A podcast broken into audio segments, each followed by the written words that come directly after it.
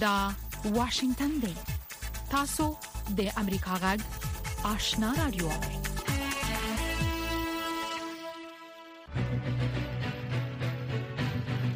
السلام علیکم درنو اوریدونکو زه زیبا خادم یم دا د امریکا غږ آشنا رادیو خبرونه ده د خبرونې په شروع کې تر هر څه مخکې د نړۍ د ساعت خبرونه وایان سید سلیمان شاه په داسې حال کې چې د پنجشېر په ولایت کې د تېرو څو ورځو په موده کې د طالبانو د امنیتي ځواکونو او د مخالفې ملي مقاومت د جبهې د وسلوالو ترمنځ د نښتو او د یو شمېر ملکی افرادو د وژل کېدو په اړه رپورټونه خپاره شوي دي طالب چارواکو د مخالفې ملي جبهې پر غړو باندې غږ وکړ چې د نورو د ګټو په خاطر دې خپل ځانونه نه وژني د ملي دفاع په وزارت کې د طالبانو د هوایي قواوو قوماندان امان الدین منصور چې د پنجشیر درې ته یې سفر کړی، په یوه ثبت شوې وینا کې د پنجشیر خلک مخاطب کړل او غږ یې پر وکړ چې د هغو کسانو د ګټو د خوندي ساتلو په خاطر دې خپل ځانونه نه وژني چې په فرانسې او تاجکستان کې د عیش نوش ژوند کوي او ستاسو د وینو په بدل کې پیسې ګټي. د مخالفې جبهې مشري چې د پخواني جهادي قوماندان احمد شاه مسعود د زوی احمد مسعود په غاړه ده، زیاتره مشران یې له پنجشېر نه بهر په خارج کې اوسېږي. ویل کېږي چې د دغه غرني ولایت د درې، ابشار، رخې او عنابه په ولسوالیو کې د تېرو څو ورځو په موده کې د دواړو خواوو ترمنځ نښتې شوي. مخالفانو د ملا عبدالغفار او ملا ملنګ په نوم د طالبانو د دوو قوماندانانو د وژلو ادعا کړې خو په خپل لا طالبانو په دې اړه تبصره نه ده کړې د جمعې په ورځ نا وخته په نوي ډیلي کې د یو اورګاډي د سټیشن سره څیرمه په یوې څلور پوړیزې ودانۍ کې چې یوه کارخانه پکې چلیدله د اور د لګېدو له امله لږ تر لږه شپږ کسان وژل شوي دي پولیسو ویل چې اور د ودانۍ په لومړي پوړ کې ولګېده او بیا نورو پوړونو ته خپور شو. د افغانستان او نړۍ خبرونه له امریکا غږ واشنګټن نه اورئ. جمهور رئیس جو بایډن وايي چې په واشنګټن کې د جنوبي ختیځې اسیا د هېوادونو د همکارۍ د سازمان یا اسیان او متحده ایالاتو د ګډې دوه ورځینۍ سرمشریزې غونډې په نتیجه کې د دواړو خواوو ترمنځ د همکاریو نوی دور پیل شو. غونډه د جمعې په ورځ پای ته ورسېدله. د نړۍ د اوو صنعتي هېوادونو ډلې چې د جي سېون په مخفف نوم هم یادېږي، له بلاروس نه غوښتي دي چې د یوکراین په جنګ کې دې د روسیې له نظامي ملاتړ نه لاس واخلي. په عین وخت کې د وال سټریټ ژورنال ورځپاڼې پرون د شنبې په ورځ خبر ورکړ چې د یوکراین پوځ د روسیې د یرغلګرو عسکرو د اکمالاتي لیکو د اخلالولو په غرض تعرضي عملیات پیل کړي دي. دا ښار له ختیځ ښار خارکیف نه یو سل پنځوس کیلومتر لرې په جنوب کې موقعیت لري. څو ورځو راهیسې په مسلسله توګه د روسیې د پوځ توپچي قواو د ډزو لاندې نیولی و. روسي عسکرو زیار ایسته چې ځانونه د اوډیسې بندري ښار ته ورسوي، خو د یوکراین د پوځ د مقاومت له امله یې پرمختګ سوکه شو او په ځینو ځایونو کې اوس په شاتګ ته مجبور شوي دي. جنګ اوس په کراره کراره د روسیې سرحد ته ورنژدې کیږي.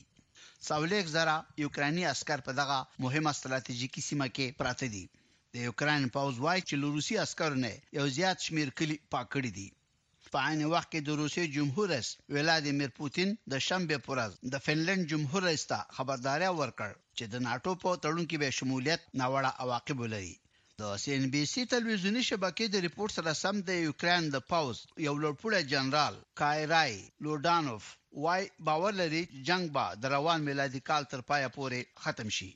له بلې خوا د رویټرز خبري اژانس د روسیې د دولتي رسنیو په نقل قول خبر ورکړ، روسیې ګواښ کړی که ناټو یې له سرحدونو سره نژدې اټومي وسلې ځای پر ځای کړې نو روسیه به په مقابل کې ځوابي اقدام وکړي. د روسیې د بهرنیو چارو وزیر سرګي لاوروف لویدیځ قدرتونه د روسیې په خلاف د یوه پراخه هایبریډي جنګ په پیل کولو باندې تورن کړي دي او وايي نه پوهیږي چې دا جنګ به څومره دوام وکړي خو حتما به د لویدیځې نړۍ دا اقدامات عواقب ولري. د متحده ایالاتو د کانګرس ځانګړې کمېټې چې تېر کال د جنورۍ په شپږمه د پخواني جمهور ډانلډ ټرمپ د سلهاوو قهرجنو طرفدارانو لخوا کیپیټل پر ودانۍ باندې له تشدد نه ډکې حملې په اړه تحقیقات کوي، بې سابقه اقدام په ترڅ کې د استازو د مجلس پنځه تنه برحاله جمهوري غوښتونکي غړي رسماً د ګواهۍ لپاره رابللي دي. د الجزیرې تلویزیون د رپوټ له مخې د بریتانیې حکومت اعلان کړی دی چې د دولتي مصارفو د کمولو په خاطر یې له دندو نه د یو نوي زره دولتي مامورانو د لرې کولو پرېکړه کړې. نیجر چې د افریقا د نیمې وچې تر ټولو نیستمن هېواد ګڼل کېږي، له دولتي خزانې نه د نهه نوي میلیونو ډالرو د غایبېدو رپوټ ورکړل شوی.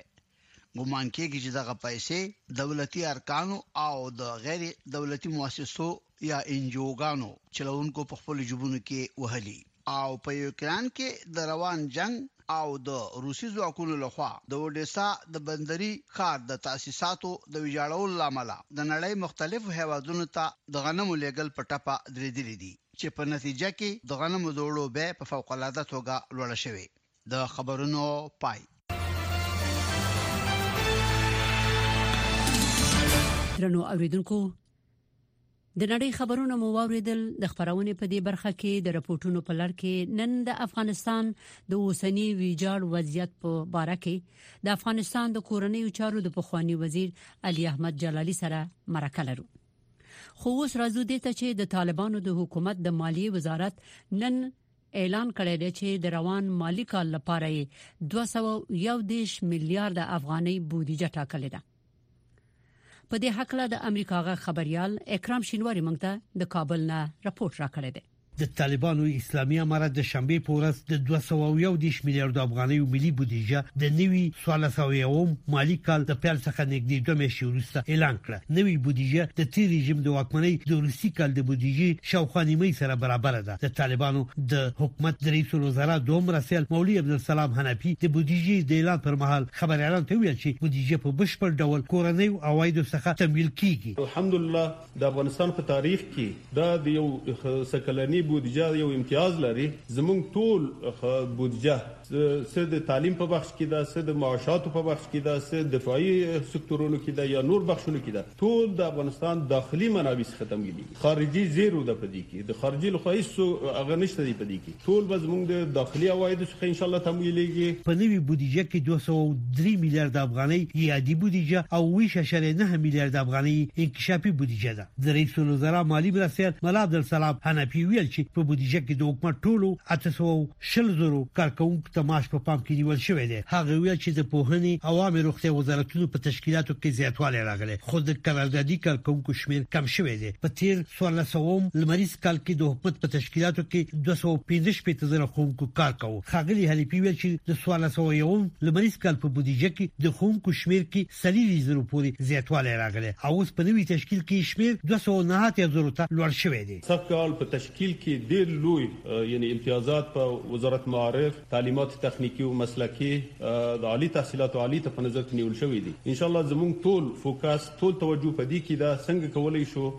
د تعلیم او تربیه زموږ د وطن ګوت ګوت ته داسې ورسیږي زموږ ماشومان په ښه طریقه ان شاءالله تعلیم وکړي هم په معارف سکتور کې هم د تعلیمات تخنیکي او مسلکي په بخش کې هم په عالي تحصیلاتو کې ان شاءالله په دې کې مکمل توجه شوی ده. د استادانو ته هر قسم د نصاب تعلیمي متخصصینو ته هغه بل ورځ د کمیسیون لخوا امتیازات منظور شو. په نوي بودیجه کې د څلور څلوېښت میلیاردو افغانیو کسر هم شته دی چې د رئیس الوزرا مالي مرستیال وایي د داخلي عوایدو څخه به پوره شي. هغه ویل چې سږکال د ملي عوایدو ټولولو لپاره یو سلو شپږ اتیا اعشاریه اته میلیارده افغانۍ په پام کې نیول شوي دي. افغانستان کې د تېر رژیم پر مهال نوی مالي کال د جدي په لومړۍ ورځ پیل کېده او د قوس میاشتې په وروستۍ پای ته رسېده، خو واک ته د طالبانو د اسلامي امارت د رسېدو وروسته د طالبانو حکومت مالي کال د دغې نېټې څخه د حمل میاشتې لومړۍ ته ولېږداوه. د نوي کال د ملي بودیجې د اعلان دمخه د طالبانو حکومت د تېر څوارلس سوه اووم کال د جدي، دلوي او حود میاشتو لپاره یو درې میاشتنۍ بودیجه هم جوړه کړې وه. د اقتصادي چارو یو شمېر کارپوهان د طالبانو د حکومت لخوا اعلان شوې بودیجه د افغانستان د ملي عوایدو او مالي منابعو ته په کتنې دغه عوایدو سره مناسبه بودیجه ګڼي خو اندېښنه ښيي چې د افغانستان د اقتصادي وضعیت ته په کتنې به دا د طالبانو حکومت ته ډېره مشکله وي چې په روان لمریز کال کې د ملي عوایدو ټولولو لپاره ټاکل شوی هدف ترلاسه کړي. د اقتصاد یو استاد عیسی رضايي وایي چې د طالبانو د حکومت لخوا اعلان شوې بودیجه د پخواني رژیم د بودیجې نږدې نیمایي ته رسیږي. په عادي بودیجه کې تر پنځه شپېته میلیاردو افغانیو او په انکشافي بودیجه کې تر اویا فیصدو پورې د تېر څوارلسوم کال د بودیجې پرتله کموالی راغلی دی. خب این واقعیت اقتصاد افغانستان هست. ښاغلي رضايي وویل، دا د افغانستان خپل واقعیت دی په تیر وخت کې هم واقعیت همداسې وو د دې لپاره چې بهرنۍ مرستې وي او زموږ د بودیجې زیاتې برخې د بهرنیو مرستو څخه تمویل کېدلې اوس چې دا مرستې نشته دي په خو هم کورنۍ عواید شاوخوا 2.5 میلیارډ ډالرو چې زیاته برخه د ګمرکونو له مالیو څخه ترلاسه کېدل ګمرکي حاصل میشو د اقتصاد دا استاد د بودیجې د 340 میلیارډ افغانیو د کسر په اړه وایي چې د افغانستان اقتصادي وضعیت ته په پاملرنې ممکن د طالبان حکومت د وایدو راټولولو لپاره ټاکلي هدف ترلاسه نکړي شي د طالبانو حکومت ګمرکونو څخه د عوایدو ترلاسه کولو ترڅنګ د ځینو کوچنیو کانونو د ایستلو څخه هم مالیه افغانستان او نړۍ په اړه تازه خبرونه سیاسي تحولات او وړاندې څېړنې د پیښو کره کتنه او شاوره څېړنه د امریکا غږ آشنا ټلویزیون د تازه خبرونو او جامع راپورونو موثقه منبع مونږ د امریکا غږ آشنا رادیو نغږیږو د امریکا د لوی درستیزانو د کمیټې رئیس مارک ملي په خپل تازه سرګندونو کې ویلي دي کله افغانستان نه د امریکا په ضد د ګواخ احساس وکي نو د دفع لپاره هم د عملیاتو ورتیا لري جنرال ملي وایي لا هم امریکایي پوځیانو په افغانستان خپل سار جاري ساتل دي بل پلو د امریکا نړیوالې پرمختیايي ادارې مشر ویلي دي طالبان د اقتصاد په مدیریت نه پوهیږي په دې حق له د آشنا تلویزیون راپورټ د اساس پام را اړوم د امریکا د لوی دریسیزانو د کمیټې مشر جنرال مارک میلی د چهارشنبه په ورځ د امریکا د سنا مجلس د دفاعي کمیسون یوې کمیټې ته په استماعي غونډه کې وویل کدا احساس کړی چې د افغانستان له خاورې د امریکا په ضد ګواښ متوجه دی نو د عملیاتو وړتیا لري خغل میلی وای امریکایي پوځیانو لا هم پر افغانستان خپل څارګر فعالیتونه جاري ساتلي خو د دغو فعالیتونو د بڼې په اړه یې جزیات ورنه کړل. موږ خپله څارنه جاري ساتلې ده، جزیاتو ته یې نه ورځم چې څنګه او کوم ډول میکانیزم دی. له افغانستان څخه د متوجه ګواښ په صورت کې موږ د دې وړتیا لرو چې ضربتي عملیات ترسره کړو. په دې استماعي غونډه کې څرګنده شوه چې یو شمېر سناتوران لا هم په افغانستان کې داعش او القاعده په شمول د ترهګرو ډلو په اړه اندېښمن دي خو جنرال مارک میلی وایي دوی به هیڅ کله اجازه ورنکړي چې افغانستان یو ځل بیا د ترهګرو ډلو لپاره په امن ځای بدل شي تاسو او د امریکا خلک باید په دې پوه شئ چې د یو پوځ په توګه موږ افغانستان ته د تلو پر مهال خپلو کړو ژمنو ته متعهد یو او هغه ژمنه دا وه چې موږ به دا اطمینان رامنځته کوو چې افغانستان به بیا په داسې یو ځای نه بدلېږي چې له هغه ځایه به ترهګر پر امریکا برید کوي. ترهګر نه دي توانېدلي چې د سپتمبر د یولسمې پېښې وروسته داسې کوم کار وکړي او موږ ژمن یو څو دا باوري کړو چې په راتلونکي کې به هم داسې څه نه کېږي. د امریکایي چارواکي وروسته له هغې دا ډول څرګندونې کړې چې په تیرې روژې میاشت کې د افغانستان په بیلابیلو ولایتونو کې ترهګریزې حملې او بریدونه وشول چې د یو شمیر پړی دایښ ډلې په غاړه اخیستي یو شمیر پوځي کارپوهان وایي چې لا هم په افغانستان کې اورپکې ډلې په خپل ځای دي د ما په عقیده په تهدید او په هغه کې خو تغییر نه راغلی دا چې طالبان د حکومت جوړولو په رابطه مصروف دي مګر نور هورپکی ډلې تروریستي ډلې خو په افغانستان کې لاشته دي بلکې له ښه واقعیتو ته زیر شو دغه ډلو د تمویل د سوق ادارې مرکزونه په خپل ځای دي هغه څوک چې اکمالوي هغه چا چې اکمالول هغه څوک چې په اصطلاح پلان کوي او بل خصوص څوک چې د افغانستان د ویجړولو په پلانو کې په خوام شریک او سم فعال دي مرکزونه ځای په ځای دي مرکزونه نه دي خوریدلي تنها افراد دیو نقطې نه بل نقطې ته انتقال شوي دي بلخوا د متحده ایالاتو د نړیوال پرمختیايي ادارې یا یو اس ای آی ډی مشري په افغانستان کې د خراب بشري وضعیت په اړه اندېښنه خوده او د مرستو د رسولو په برخه کې د طالبانو پر کړنو نیوکه وکړه طالبان نه پوهیږي چې څه وکړي، نه پوهیږي چې اقتصاد څنګه مدیریت کړي. دا یو لوی مسله ده. نو د ملګرو ملتونو په چوکاټ کې یو شمیر ادارې او هیوادونه هڅه کوي څو پر دې مسلې کار وکړي. په داسې حال کې چې د ملګرو ملتونو د خوړو نړیوال پروګرام او د خوړو او کرنې اداره په یو ګډ راپور کې ویلي چې اوس مهال د افغانستان نږدې شل میلیونه خلک چې د دغه هېواد شاوخوا نیمايي نفوس کېږي له سختې لوږې سره مخ دي، طالبان دغو مهمو ستونزو ته د پام پر ځای په افغان ښځو او نجونو بېلابېل محدودیتونه لګوي. د افغانستان لپاره د اروپايي اتحادیې استازي ټامس نیکلسن په تازه څرګندونو کې ویلي چې طالبان خپلو خلکو ته غوږ نه نیسي او دا شک رامنځته کوي چې دوی خپلو تعهداتو ته ژمن نه دي. داسې ښکاري چې د طالبانو داسې یو حکومت دی چې د خپلو خلکو خبرو ته غوږ نه نیسي. دوی د دې په ځای چې له ښځو څخه پوښتنه وکړي چې څنګه د خپلو ماشومانو ګېډه مړوي، ایا ښوونځي او روغتیايي اسانتیاوو ته لاسرسی لري که نه، د کار کولو فرصت لري که نه، هغوی ته د پوښاک طریقه ښيي. پر افغانستان د طالبانو تر حاکمیت وروسته دغه هیواد له اقتصادي بحران سره مخ شوی ملګرو ملتونو مخکې ویلي که چیرې په دغه هیواد کې له اړمنو سره مرستې ونه شي شاوخوا و نوي سلنه خلک به په افغانستان کې له رامنځته شوی بشري وضعیت څخه اغیزمن شي انتظار پای ته ورسید ترنو لیدونکو او اوریدونکو تاسو کولی شئ د امریکا غا ټلویزیونی او رادیوي خبرونه د یاسات ساتلایت له طریقو وګورئ او واورئ د نوي ساتلایت لارې تاسو د آشنا اتصال او کاروان ټلویزیونی خبرونه کتلای هم شئ د امریکا غږ د افغانستان څنګه خبرونه په 398 چنل او د آشنا رادیوي خبرونه په 390 چینل کې اوریدلای شئ لملتيامو د تل پشان مننه درنو اوریدونکو اوس د افغانستان د اوسنی ویجاړ وضعیت د دوام د اغیزو په حق له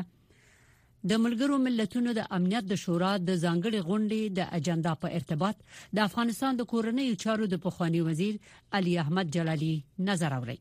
اول د ملګرو ملتونو د امنیت شورا فوق العاده غونډې ته به ورشو دا غونډه د تړلو دروازو تر شا په داسې حال کې تر سره کیږي چې افغانان په افغانستان کې د بشري حقوقو د دفاع لپاره ملګرو ملتونو هڅې ناکامې بولی تاسو څه فکر کوئ جلالی صاحب کله چې طالبان د نړیوال ټولنې غوښتنې منینه نو د داسې غونډې ګټه به څه وي تشکر کوم مثلا دنیا یا ملګری ملتونه دي کنو هیوادونه دي ورځ پر ورځ طالبان او امید کیږي او دوی به اعتبار کیږي ځکه درې مسلې وی چې دنیا طالبان ته دا موقع ورکړي چې د مطرح ډلې په اسلام شي په دغه سیاسي ډګر کې د سولې په ډګر کې یوه دا و چې دی تعهد وکړي چې انصار د قدرت نغوړي نور سره یو ځای حکومت جوړي هغه کې دوی جدي حرکت جدي اقدام ونه ک او نه په هغه قسمت کې به اعتبار وسول دوم دی ویل چې د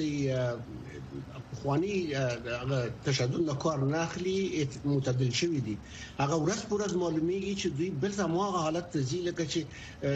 15 کال مخکې د دلو د لاو په داسې حال کې چې په افغانستان کې ستونزې به ډېرې دي دی حکومت اخیسته دی مګر د حکومت کول په چل نه پويږي او نو نور ته موقع ورکړي چې حکومت ور سره مرسته وکړي په نتیجه کې دوی دی وخت په نیلی سپاره دي په تدریس افغانستان شاته به شپږم قرن ته دی او دریم دا د تروریست مسله ده تر اوسه پوری دوی نشي کولای په دې نه توانېدلی چې د هغو تروریست ډلو مخه ونیسي چې نورو سیمو ته خطر پېښوي. بله همدې مسئلې ته به راشو جلالي صاحب، د امریکا د لوی دریځتیزانو د کمېټې مشر جنرال مارک ملي ویلي چې که افغانستان څخه د امریکا په ضد ګواښ احساس وکړي نو د دفع وړتیا هم لري، ستاسو ارزونه ایا دوی اوس هم امنیتي ګواښونه څارلی شي؟ دا نوې خبره نه ده، امریکا چې خپلې قواوې له افغانستانه وایستلې دا هم اعلان کړ چې په افغانستان کې د ترګرو د ترګرو په ضد فعالیت لمنځه نه ځي ان توقف نه دی کړی او منتها شکل بدل شوی دی که چیرته په افغانستان کې ترګری ډلې د سي داسې یو قوت پیدا کړي چې هغه وکولای شي نور سیمو ته خطر پیښ کړي امریکا ته خطر پیښ کړي متحدینو ته خطر پیښ کړي بیا دوی د توان لري چې لری په باندې گزار وکړي په نخې کې او لمنځه یوسي دا موقع ورته ورنکړي دی وایي چې دا امکانات لري. بله د هیواد د امنیتي حالت په اړه مو هم غبرګون غواړم. جلالي صاحب پنجشیر کې د ولسي خلکو د وژل کیدو ادعاوې شوي دي خو طالبان یې نه مني. په افغانستان کې داعش څومره لوی خطر ګڼئ تاسو او نړۍ به د طالبانو په موجودیه کې په موجودیت کې البته څه وکړای شي چې د داعش سره مبارزه وشي؟ داعش یو خطر دی په افغانستان کې اما د طالبانو حکومت ته چې وګورئ چې خلک بیزاره دي، وکړو دا نشي کولای داعش زیاتره قوت اخلي زیاتره قوت کیږي په ایدئولوژیکي لحاظ طالب او داعش په منځ کې ډېر فرق نشته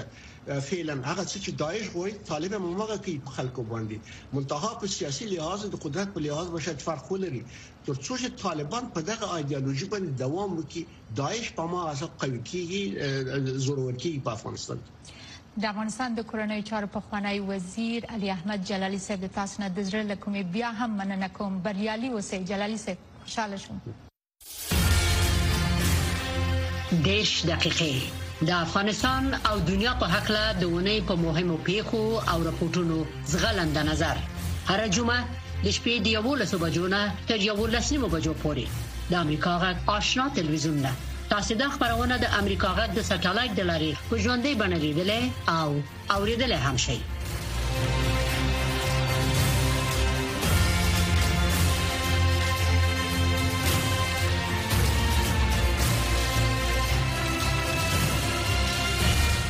که له یوې خوا روسیه د اوکراین په جنوب کې بریدونو ته دوام ورکوي او د اوکراین د اودیسې سیمې ته پرمختګ کوي، بل پلو د اوکراین جګړې په ټوله نړۍ کې د خوراکي موادو د لیږدولو سیستم او نرخونه مختل کړي دي. د امریکا جمهور رئیس جو بایډن هوډ کړی دی چې په امریکا کې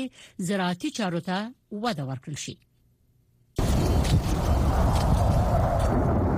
د ژاپوریژیا د جنوب د یو وړوکي کلي حالت د اوکراین د خونړۍ جګړې یو واقعي انځور وړاندې کوي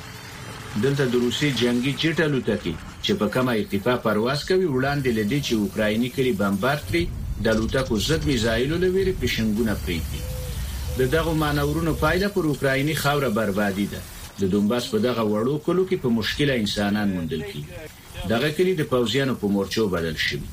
او د پيريانو د کلو انځور وړاندې کوي. په ښکاره خاموشه، خو د اوکراين جګړه هم په دې کلو کې روانه ده. زموږ روغتيايي حالت موږ ته نور د دې اجازه نه راکوي چې له بمونو خوندي ځايونو کې پناه واخلو. هغه خلک چې له دې سيمو نورو ځايونو ته تللي، هغوی ته د زړه تکليفونه پيدا شوي. د بېلګې په ډول زما مېرمن د پړپوڅ له ناروغۍ سره مخ ده. هغه خلک چې موږ ته ډوډۍ راوړي، هغوی يې وېشي. دلته موږ یوازې دوه نفره یو. د اوکراین د جګړې له امله د غنمو، جوارو، حبوباتو، سرې او نورو موادو نرخونه په نړیواله کچه لوړ شوي. د امریکا حکومت وايي چې په ټوله نړۍ کې د خوراکي موادو نرخونه دیارلس سلنه پورته تللي. د امریکا ولسمشر امریکايي بزګرانو سره د دوی د ستونزو د حلولو ژمنه کړې. تاسې کروندګر زموږ د هېواد د ملا تیر یاست. دا مبالغه نه ده. خو تاسې نړۍ ته ډوډۍ هم ورکوئ. موږ وینو چې په اوکراین کې د پوتین د جګړې پر مهال تاسې د ازادۍ د ملا د تیر حیثیت لرئ. تازه تازه په کرکلي کې د ټیکنالوجۍ د کارونې د زیاتولو په ګډون د امریکا ولسمشر د امریکايي بزګرانو څخه د ملاتړ لپاره یو لړ پروګرامونه اعلان کړي. له دې وړاندې د اروپا د پانګې اچونې بانک رئیس هم د اوکراین د جګړې له امله په نړیواله کچه د خوراکي موادو د کمښت او ورسره د تړلیو ستونزو په اړه د خطر زنګ غږولی دی. ولې. Ukraine is the wheat basket of Europe. اوکراین د اروپا د غنمو کندو دی. دا مهال اوکراین د تېر کال د اته میلیارده ډالرو په ارزښت د غنمو ذخیره لري. اوکراین دغه غنم نه شي صادرولی. دوی بحر ته لاره هم نه لري. دا یوه کلیدي ستونزه ده چې اوس یې باید موږ حل کړو. اندېښنه دا ده چې د خوراکي موادو اغیزې به په بیلابیلو هیوادونو کې د پراخه ټولنیزو او سیاسي اغیزو لامل شي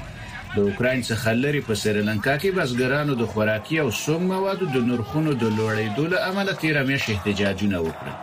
د بزګرانو دغه احتجاجونو د سریلانکا صدر اعظم او د نوموړي کابینه استعفا کولو تړ انتظار پای ته ورسید ترنو لیدونکو او اوریدونکو تاسو کولی شئ د امریکا غا ټلویزیونی او رادیوي خبرونه د یاشات ساتلایت له طریقو وګورئ او واورئ د نوي ساتلایت لارې تاسو د آشنا اتصال او کاروان ټلویزیونی خبرونه کتلای هم شئ د امریکا غږ د افغانستان څنګه خبرونه په 309 پټ چنل او د آشنا رادیوي خبرونه په 308 پټ چنل کې اوریدلای شئ لملتیا مو د تل په شان مننه دا د امریکا غږ آشنا رادیو خبرونه ده درنوریدونکو په دې ورستي وختونو کې د بادغیس په ولایت کې د زنکۍ یا د زیرې کښت دوه برابر زیات شوی دی او د زیرې کاروندګرو په دې ولایت کې د کوکنارو د ښه بدیل په توګه د زیرې د ترویجولو هڅه کړې ده سکهال لشپک زره هکتار زیات ځمکې کې زنکۍ یا زیره کرل شوې ده په داسې حال کې چې د بادغیس په ولایت کې د کوکنارو زیات کر کیږي خو یو شمېر کروندګر بیا بدیلو کښتونو ته هم مخه کړې ده چې د کوکنارو د کر مخه پرې ونیول شي زیره په دغه ولایت کې یو بدیل کښت بلل کیږي د سید عبدالعظیم دا پنځم کال دی چې په خپل ځمکه کې د غنمو او نخودو ترڅنګ زیره هم کوي هغه وایي د زیرې په کرلو په لګو لګښتونو ډیر عاید ترلاسه کوي باز پنج سال میشه که من بم کشتی زیره رو آوردم که بسیار به موقعی خوبی به وقت دیستنگی پول ازی به گیر میه به قیمت مناسبی همیشه از پول قیمت ازی از سیری از ما از هزار روپیه بالایه. په ورته وخت کې د بادغیس ولایت د کرنې د ریاست د معلوماتو له مخې، تېر کال په دغه ولایت کې درې زره او نهه سوه او شل هکټاره ځمکه کې زیره کرل شوې وه چې سږ کال دغه شمېره شپږ زره او دوه سوه هکټارو ته لوړه شوې ده. که قیمت زیره نسبت به زال سال گذشته خیلی افزایش یافته که ما در سال گذشته یک من زیره که هشت کیلو باشه به هشتصد و پنجاه افغانی خرید فروش میشد امسال ما تا دو هزار افغانی شخصا من خودم دو هزار افغانی هشت کیلو زیره خریدم که تخم کردم و دلیلش همه قیمت افزایش بوده که دیقین مفاد خود دیدن زیادتر کشت کردن د دې ولایت د کرنې ریاست د زیرې د کښت د زیاتوالي لامل د تېر کال په پرتله د زیرې د بیعې لوړوالی یادوي. کروندګر بیا زیره د کوکنارو یو ښه بدیل بولي. ما کښت نمیکنیم تا به چلا ما کشت کوکنار کشت نمیکنیم همین زیره کشت میکنیم نخود زیره همین چیزا کشت میکنیم به خاطر اگر دولت هم با ما کمک هم بکنه ما همین زیره بیشتر خوش داریم از کشت کوکنار کده تر ډیره د بادغیس ولایت په قادس مقر، اب کمري، جوند، بالامرغاب او قلنه ولسوالیو کې زیره کرل کېږي. د دې ولایت کروندګر هر کال د محلي شمېرو په اساس له دې کښت څخه له پنځلسو میلیونو افغانیو زیات عاید ترلاسه کوي. صفیالله احمدزی، د امریکا غږ، بادغیس.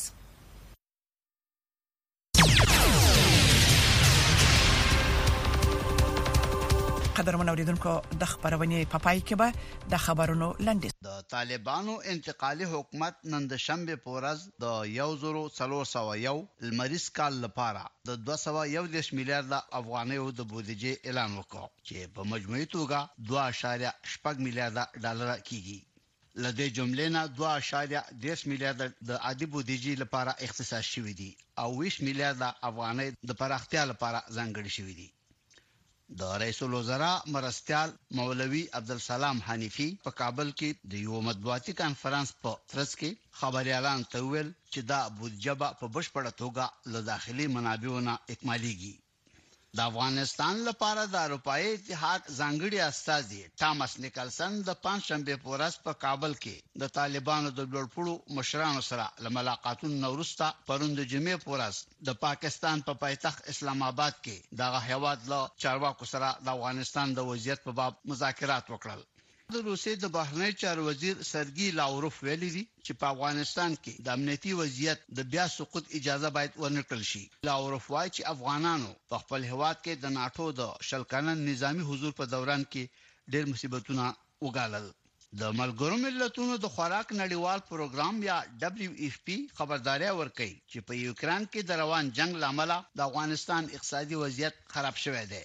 د کاناډا حکومت د جمعې په ورځ له پاکستان نه د نږدې درې سوه افغانانو د انتقالولو اعلان وکړ.